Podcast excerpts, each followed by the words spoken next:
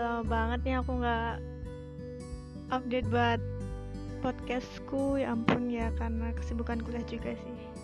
Ini aku ada kesempatan jadi ya let's do it aja. Oke langsung aja ya dengerin di podcast Aldini sekarang.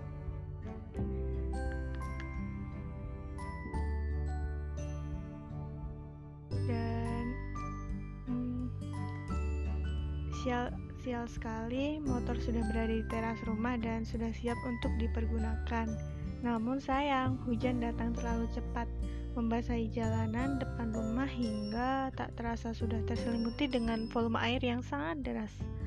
Oke, baik. Sepertinya memang tidak seharusnya nih aku pergi sekarang.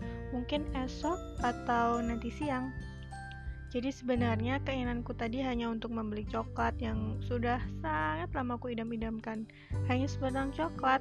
Hmm, tapi ya sudahlah, lebih baik aku bergegas untuk masuk ke dalam rumah.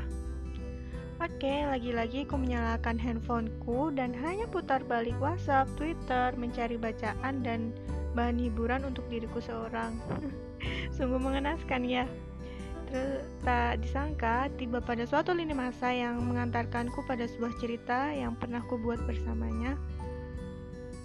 Ceritanya rampung seketika karena aku sendiri yang mengambil keputusan berat itu untuk mengakhiri cerita kita. Berat, ya, Ku akui itu merupakan salah satu keputusan terberat yang pernah aku buat.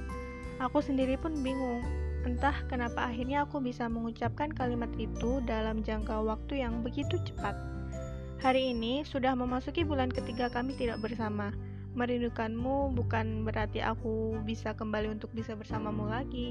Aku masih berusaha untuk tidak mengusik atau bahkan membuat sesuatu yang akhirnya lewat dalam timeline sosmedmu.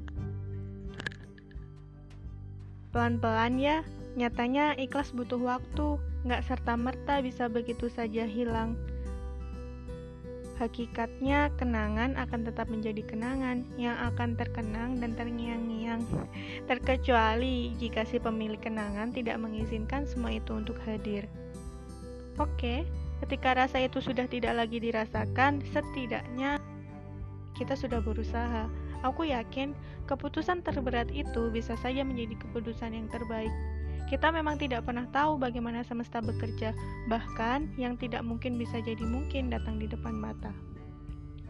Dari yang kemarin kami sama-sama belajar bahwasannya kita boleh menyukai seseorang karena pada dasarnya suka itu merupakan hal yang fitrah.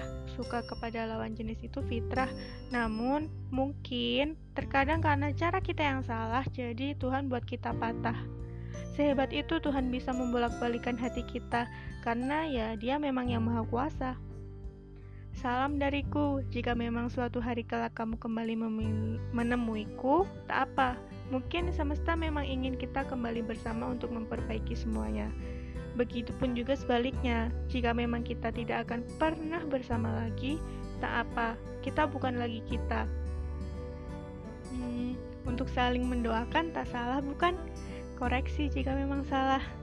Ketika kita bukan lagi kita, ketika aku dan kamu sudah jauh dalam kelabu. thank you